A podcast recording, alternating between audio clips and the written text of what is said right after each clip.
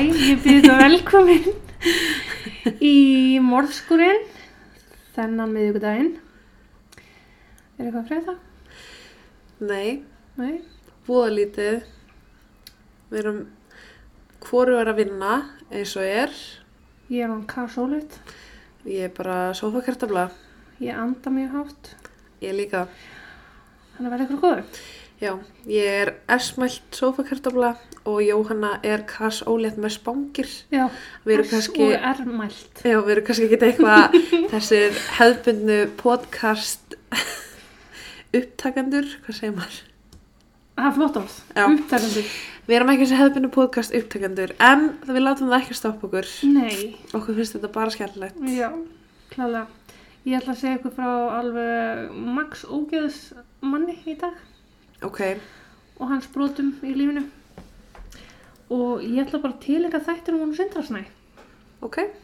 og hann fyrir það að hafa haldið fyrir mig vöku tvær nætur að skrifa um málið Okkur finnst gaman að fá ábyrtingar frá okkur já, og að fá requests eða, það er það skemmtilegt því að það er svo krefjandi á okkur og svo mikil áskurum fyrir okkur já, að kanna eitthvað sem við erum mögulega vitum líka ekkert hvað er. Nákvæmlega. Þú veist, nú, við erum búin að fá ábyrtingar frá fólki af málum sem við höfum bara mögulega ekki hýrt um, sko. Nei. Þannig að okkur finnst það líka bara skemmtilegt. mm Þannig að þið getið alltaf senda okkur á Instagram, Facebook eða morskórunættgmail.com. já, bara ekki hika Nei, en á ég ekki bara byrja valið jú, gerum það.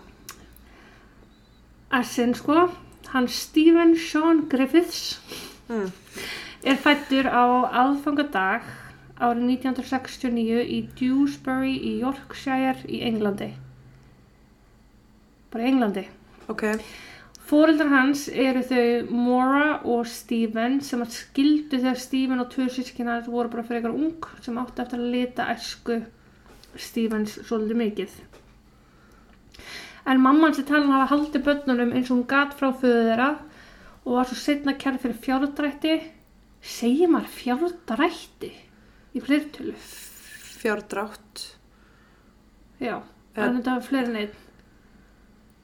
Hérna sjáu þið hvað við stígum í vitið. Drætti, Fjárdrætti. við og það ekki. Svík allana og var hálgirðu prettari og þetta á að hafa verið áhrifavaldur í lífi Stífens hvað álit hans og hvernmönum varðar Ok, skilur að þeir séu bara svíkarar og, og vondar en ásand því að vera bara ekki sérstaklega hrein og bein þá var hann tel, talin selja sig og sást oft til hennar nakin út í garði með kallmennum Ok, Já. Sem barn var Stephen mjög mikið tilbaka, alveg ábærandu þögull og gerði enga veginn mikið úr sér. þú ert að tala um Karlmann, Já, en þú sagðir hún sást nakin. já, mammans.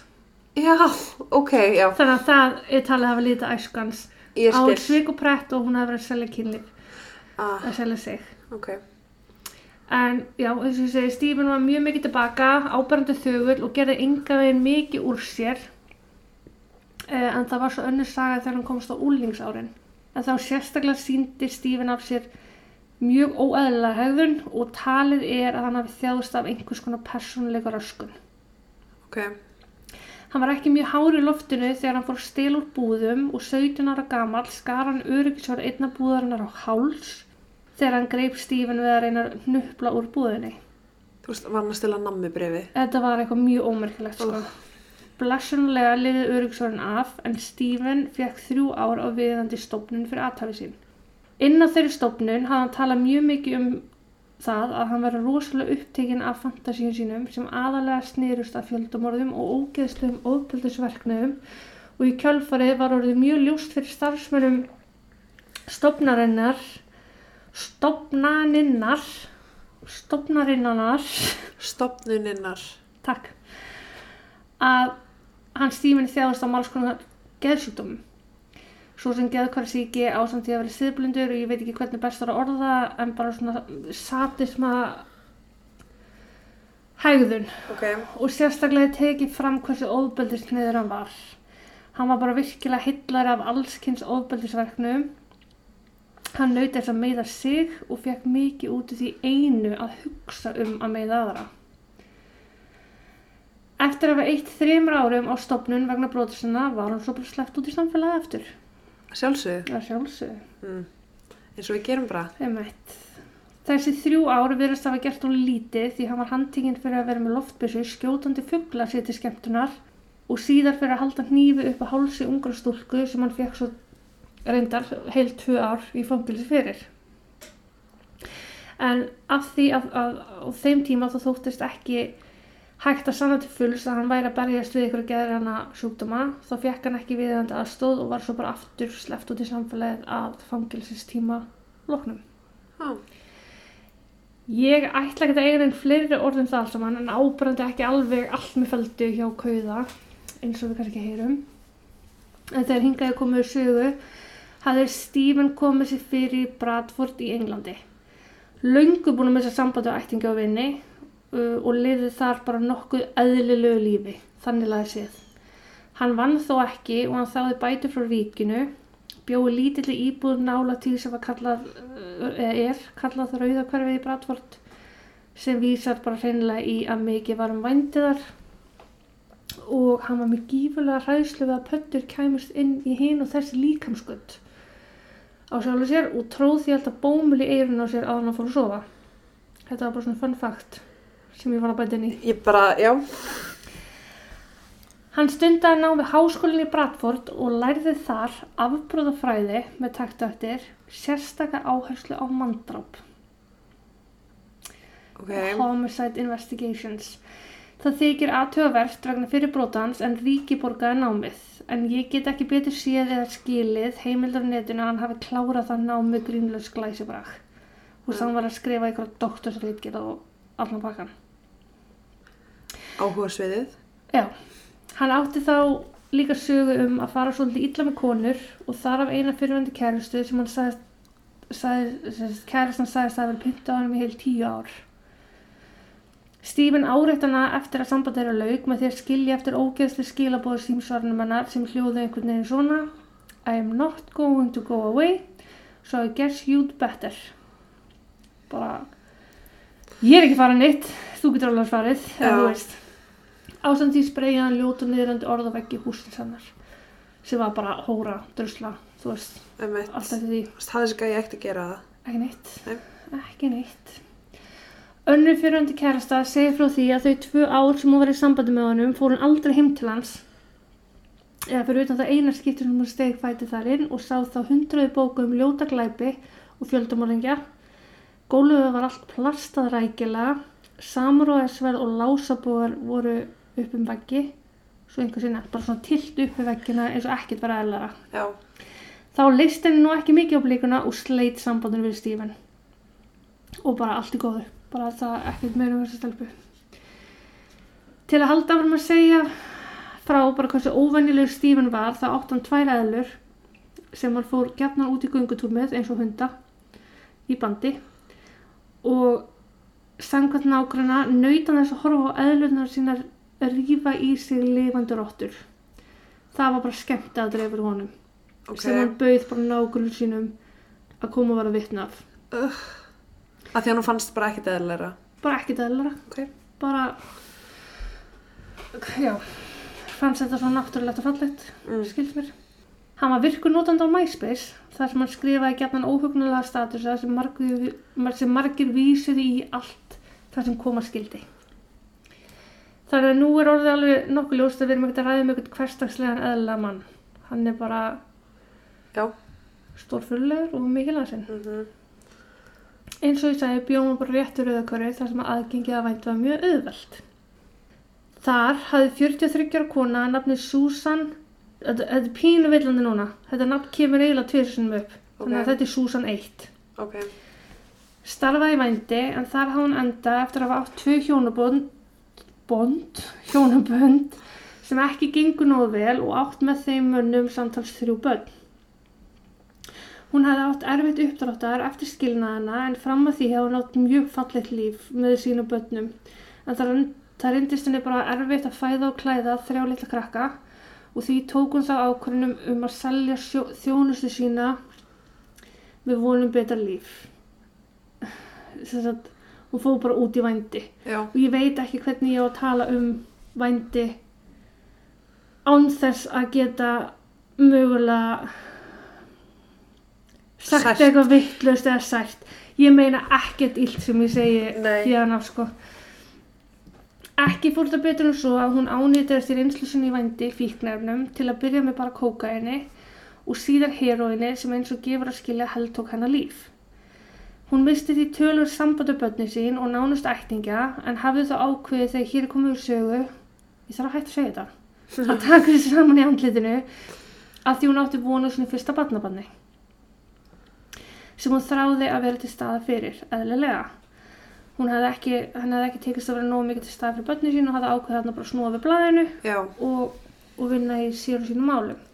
Hún stein hætti því neyslinu og fekk upp á skrifu lif sem átti að aðstofana við frákurinn sem gætu orðið eftir að hætta svona harðri neyslu já, eins og hún hafi verið í.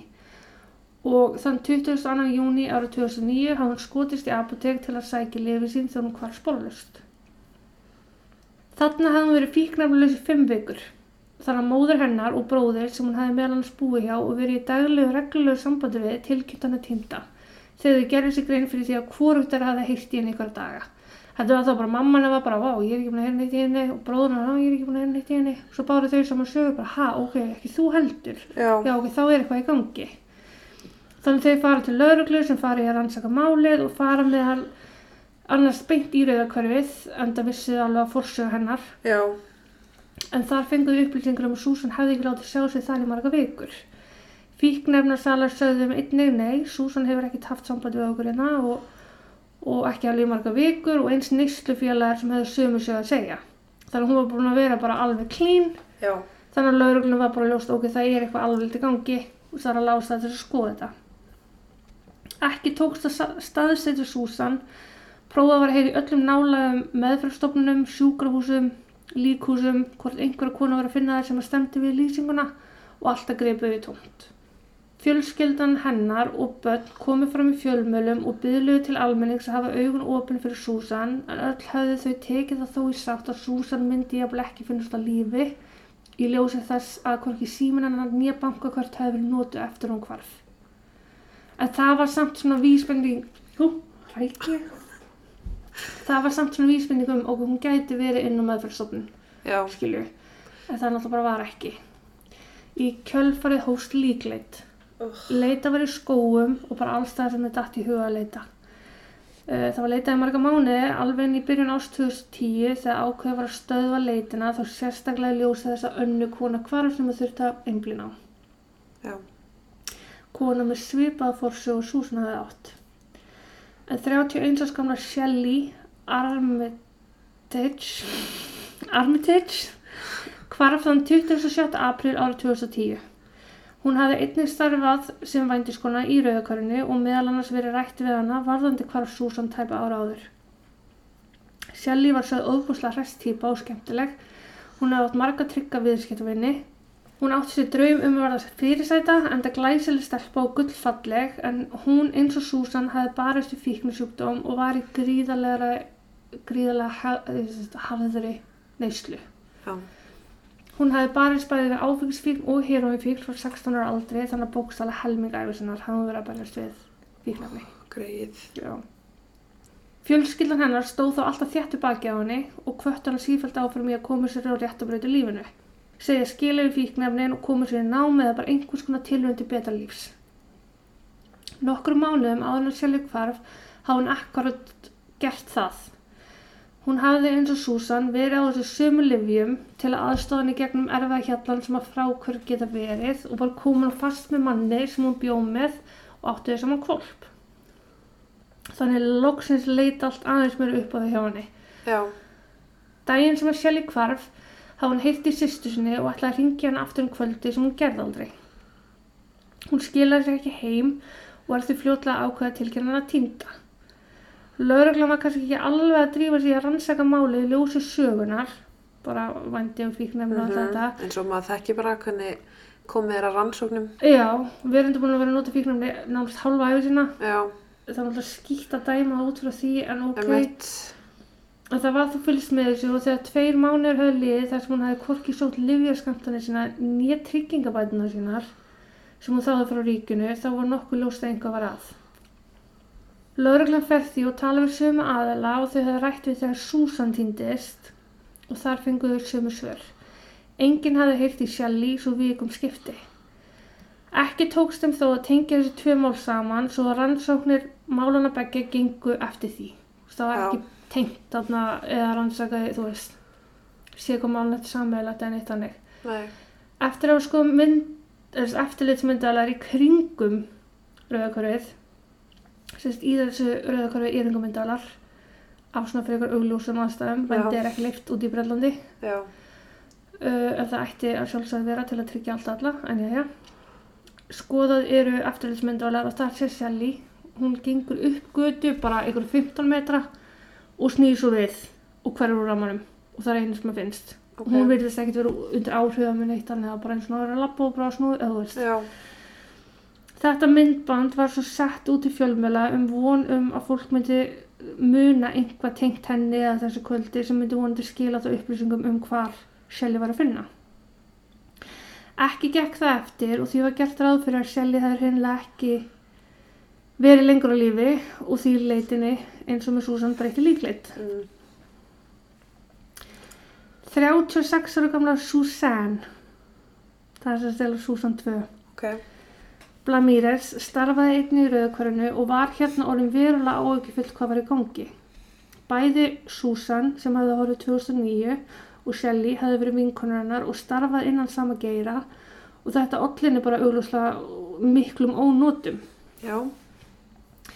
Susan eins og Susan og Shelley barðist við fíknefnumandamál sem að hefði byrjað sem saklusfykt hún stundaði reifdjum þegar hún hefði verið yngri og hún fór sérst, út í vændum í 21 árs þegar hann var að fara að vanta pening til að fjármagna neysluna.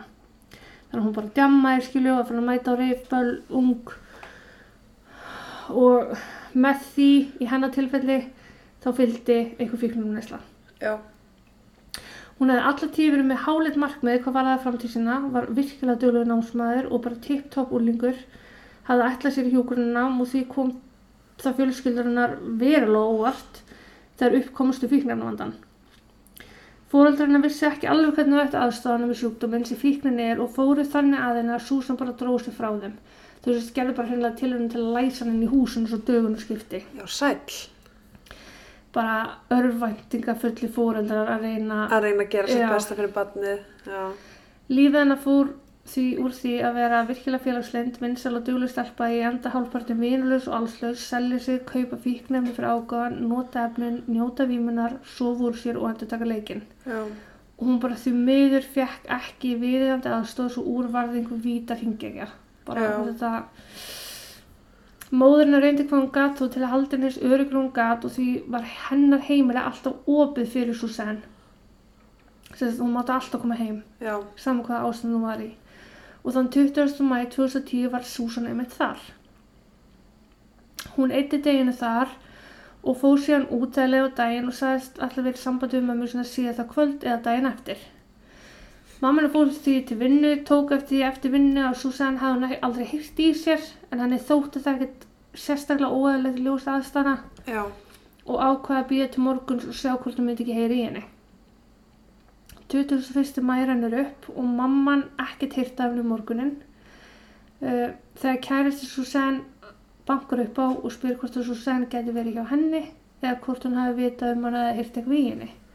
Hún auðvitað bara, ha, já, nei, bara ekkert hýrt í henni, hvað er gangi? Og kæristan segir henni þá að hann hefði reynt að fara heim til Susanne eftir að hann var reynt að ringja henni margótt og árangslust og hann var bara hvergi að finna. Þannig að þau strax tilkynna Susanne týnda til lauruglu, lauruglun hóf leit og rannsókn og líti gekk þar til að inn kom símtal frá manni. Mér er svo ógæslegt sko. Uh, Sá maður var húsvöldur í blokk og í starfi sínu þurfti hann meðal annars að skoða eftirlitsmyndavelar húsins reglulega.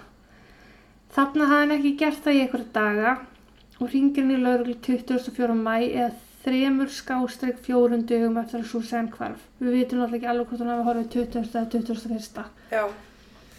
Í blokkinni bjó Stephen nokkur Griffiths sem ég sagði eitthvað frá henni byrjun. Hmm. Húsvörðurinn sagði hann vera vanan að sjá hana eftirlitsmyndalum stíg út á lyftu með konum en hann grunaði að hann væri bara duglur að kaupa úr auðakörunni sem var jú í næstu götu. En þar sem hann sá þennan daginn átt hann sjálfsagt aldrei eftir að gleyma, ekki frekar en ég. Stephen hefði gengið út á lyftinu með konu sem að bara stemdi við lýsingun og Susan uh, og þau ganga saman inn í íbúðina en það leiði ekki langu tími þegar Susan kemur harður hlaupum út úr íbúðinni og Stephen á eftir henni með lásabúa. Stephen tekur upp lásabúan, miðar á Susan og skýtur en hittar hann ekki. Hann nærð þó í Susan og uppkoma átök á milliðra sem að enda með að Stephen heldur Susan og skýtur hann að beint gegnum höfuðið með lásabúanum. Veistu hvað lásabúi er? Er það ekki svona það sem er hérna Jú. og þú setur ör Jú. eða eitthvað, já. Þetta er svona eitthvað notur að drepa dýr. Emmett. Hann dregur þó líka eftir sér inn í íbúðina og lokar eftir sér en kemur fram skömmu síðar ennþá með lásabúin í hendinni, gengur upp á myndalni, liftur upp lásabúinum og gefur puttan. Hann bara hreinlega fokkar í myndalina. Og ég ætla að sína það bara myndinni eða bara live. Myndbandið. Nei, myndina. Ég, Af honum ég fokka. ætla ekki að sína myndbandið. Uh, og ég bara, Þessi mynd var brend í hausinn á mér í alla nótt sko. já ég skil það vel. Þessi mynd verður brend í hausin á mér í nótt, þannig á takk. Nokkur tímum síðar gengur Stephen út úr íbúðinni með nokkur ruslapók í hendinni og gengur út úr húsinu og þetta gerir hann í, í minnstakosti tvö skipti. Ok. Þannig er hann bara það siðinlaus, hann veit af myndavélinni. Hann er bara stoltur af því sem hann gerði sko. Já.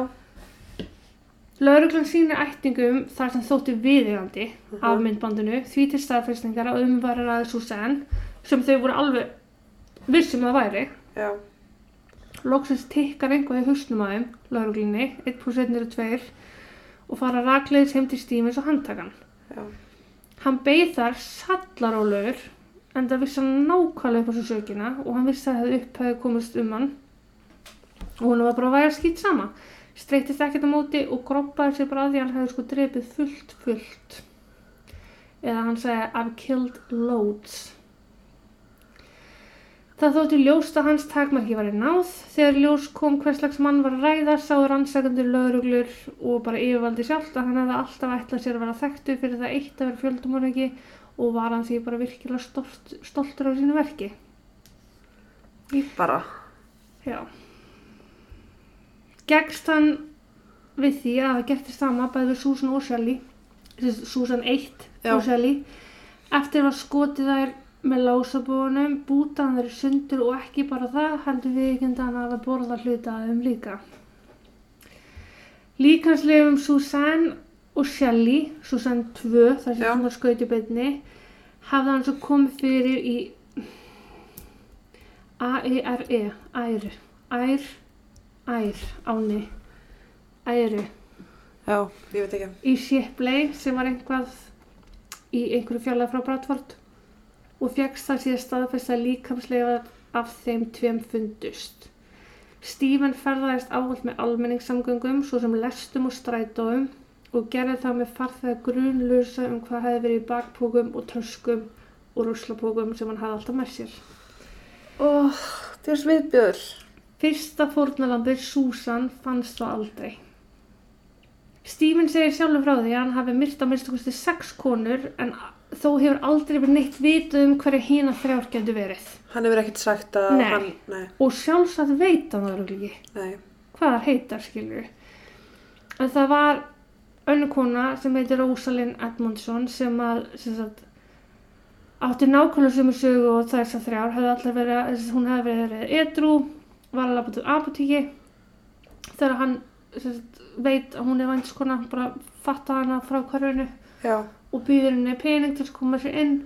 Og hún segir já en svo þegar hún er komin að hurðinni þá var hann bara að hafa sér eitthvað svo skringilega að hún ákvaði að beila ok, þannig að það er svona að tala að hún hefði jafnvel átt að vera fyrsta fórnalambið en hann kom upp um sig að því hann var bara svo, svo asnalur skilju já, en við réttarhöldin síndi Stephen enga miskun, enga eftirsjá og held áfram að tala í hróka og stolti af því sem hann hefði gert. Talaði meðal annars um baðherbyggið sitt sem sláturhús. En það var jú það sem hann hafi bútað niður lík hvernana. Með hverju? Bara nýfum samar og svona mótlu. Jésús. Hann sagði frá því að hann hefði eldað, hvað segir maður, mannakjötið. Um, já, líkamsleifarnar. Já, á eldavelinu sinni og borðað með bestu list. Bara bönir og kartöflusalat Já. og máltíð mætt. Bara hliðinu og, og allt með. Jésús. Hann sagðist ekki bara hafa dreipið með lásabúa, heldur líka með samúræðsverðinu sínu. Hann við ekki undan hann lokkaði fórnalömpin sín inn til sín með lofórðum pening og fíknefni en um leið og fórnalömpin gengur í íbúðana gekk hann beint í verkið.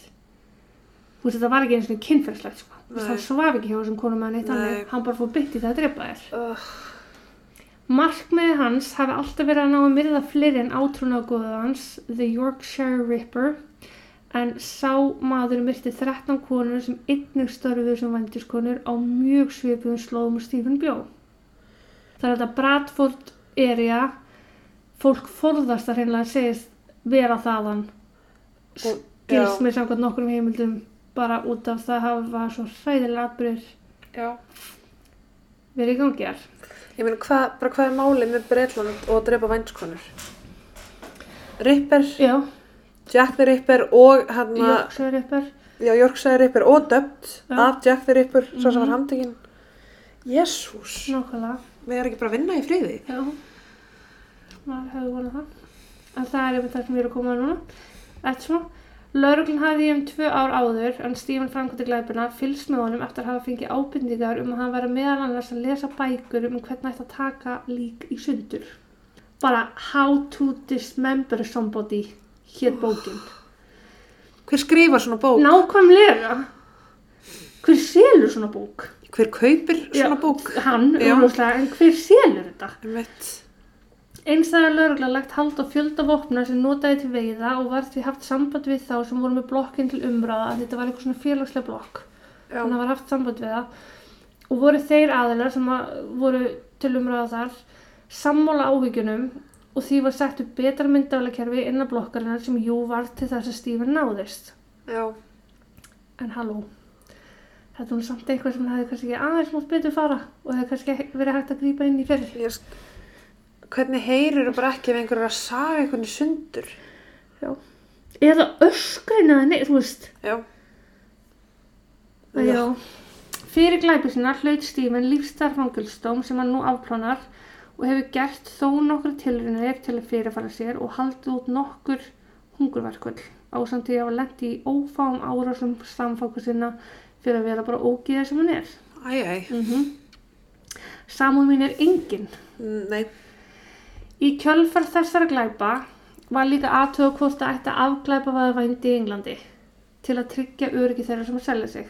Af því auðvitað eru til dæmis eins og enga myndalega, þú veist, engin myndalega kerfi innan þessa rauða hverfis. Mhm. Ef það væri, þá, þá væri öruglega aðstæður aðeins betri. Mm Það þótti ekki sniðugt og freka var reynt að búið til úrræði fyrir þá sérstaklega konur til að aðstofa þær að koma sér af götunni, komast í aðgengilegri meðferðúrræði og komast á beina braut í lífinu. Eins var aðtöða með að herðalögur varða þá sem kaupa vændi og nota fíknefni en ég er bara ekkert fyrir sem að lausna liggi þar. Nei, Þú veist að það áttu þá líka sagt að þá svona keira svona hægt í gegnum í hverfið. gegnum hverfið af því að þá eru þeirra pikk Já, og við hérna erum bara sömulegu í Íslandi sagt að þá sem kaupa. En ekki þá sem Ekki selja. þá sem selja. Þú veist, ef það væri einhvað, þá væru, þetta er ekki bara konur, þá væru bara þeirra aðeins sem að selja sjálfa sig, Tryggðir. tölvist tryggðari, Já, og örugari örg, já, að geta, þú veist, gert það undir viðunandi aðstæðum eða bara í örugu, já, Mhm. en svona var þetta. Ói bara! Mér fannst þetta sko ógislegast að því ég horfði á myndbönd. Ég ætla ekki að gera það. Nei, ég ætla bara alveg að hlýfa Er búið að gefa út bindbandi af honum þegar hann skýtur hana? Nei, þess, þegar hann hleypur eftir henni, ekki þegar hann skýtur hana og svo þegar hann lappar aftur út og ég er búin að fá okkar í myndalina. Það er Já, búið að gefa það út. Ok, Sem mér finnst bara nógu djöfelli gróft. já, Ég get alveg ímyndað með hvað gerist þessar tíu sekund sem vantur upp á, sko. um mitt. Hann að, Bara já, gleðilega miðgudag allir. gleðilega miðvikudag. En við erum að þessu, þetta verður ekki eina málið sem verður ógæslegt. Nei, Í raun eru þau öll ógæslega einhvern nátt. já, þetta bara, þetta er svo mikið peð og auðmikið En er, já, er ekki búið að finna, semst bara, er ekki búið að tengja hann við neinar aðrar en þessar þrjár. Þess er enginn sem að lést á svæðinu er tínd eða enginn veit um. Nei, og það er meira þess að frekar tala hann sé að ljúum þar hann hafi dreipið fleiri en þrjár. Mm Bara Já, það getur vel verið, sko. Kall, sko. Já, hann komst ekki lengra. Já, þetta er hann eitt ára þrjár konur. Já, Ef hann hefði verið okkur killing spree, það hefði verið bara tölvöld fleiri konur sem hefði á horfið. þessu tímabili, já. Já, það verðist ekki vera, en ég meina, hann svo leið svo vel fyrir það, hann er sko búin að drepa fullt fullt. Mm. Flottu kall. Já, Hann á allt lífið framöndan. allt sko. Mm. En það er búið að sko stinga hann í fangelsi og það er búið að leminu stöppi og bara allan pakkan. Hann er stakkskrítið. Nei, Það er nefnilega fullt af fólki sem fer í fangils og er ekki gott fólk. já. Eða allan ekki svona ógslegt. Nei. En getur greint sig frá svona ógislegu fólki. Já, nákvæmlega, og séð að einhver mikið sé að. Mm -hmm. En það er bara aða, þú veist, svo mörg tæ- tækifæri sem hefði verið hægt að grípa inn í, finnst mér, þegar hann fær upplunlega þrjú árin þegar hann er 17 ára, svo Já. þegar hann fær önnu tvö ár, hann tala, þú veist, af hverju er hann sleppt út þegar hann viðurkenni fantasíur um að drepa fullt af fólki Þú veist bara, þú kemur ekki nálægt manni sem að fyrir göngutúr með eðlutna sínar. Nei. Það, já, Ég stundum er ég bara, uh, það svo- það er náttúrulega líka vanda orðið. já, Af því að þú veist, þetta er augljóslega mikið veikum, maður, ég bara ber enga verðingu fyrir svona, við, ég, veist, eftir svona aðtæfi. ég, þú veist, siðblindan hans ber ekki virðingu fyrir Nei. henni, en þú veist, veikindum hans ber alveg virðingu fyrir öðru fólki sem er álíka veikt, Já, svo lengi sem að það fólk er ekki búið að fara í sama veg Já. og hann. er það kannski sorglegt í þessu að hann viðurkenni fúslega þegar hann er inni fyrst af með þessu þrjú ár hver hans vandamál eru hann sé með draumóra um að drepa vilji vera fjöldmóringi og það er bara eitthvað, já, ok Mér finnst bara allir sem að kaupa þessa bók að lauruglan eigi bara hlera Já, heimilegra og bara, en þú veist, hann er 17 ára, hann er barn þegar hann segir frá því já, að þú veist að, að það, það er sérstaklega tekið fram hversu ofbeldis hnegður hann er. Og með sati sem að þú veist hann hefði bara átt að vera að náfram já. og fá við um það stof Vera settur bara inn á okkur stofnun. já, en ekki sleppt út af henni. Nei. Og bara vinna í honum. Og ef hann er ekki fær til að fara aftur út í samfélagi þá bara svo bít, svo býtt og hann er þar. nákvæmlega en já, ég bara. það er svoleiðis Já. Uh. ég ætla bara að taka fyrir mig og við ætlum að fara að taka upp næsta þátt Já. Er það ekki? Jú. við sjáumst í þeim næsta Yes. takk og bless Takk og bless.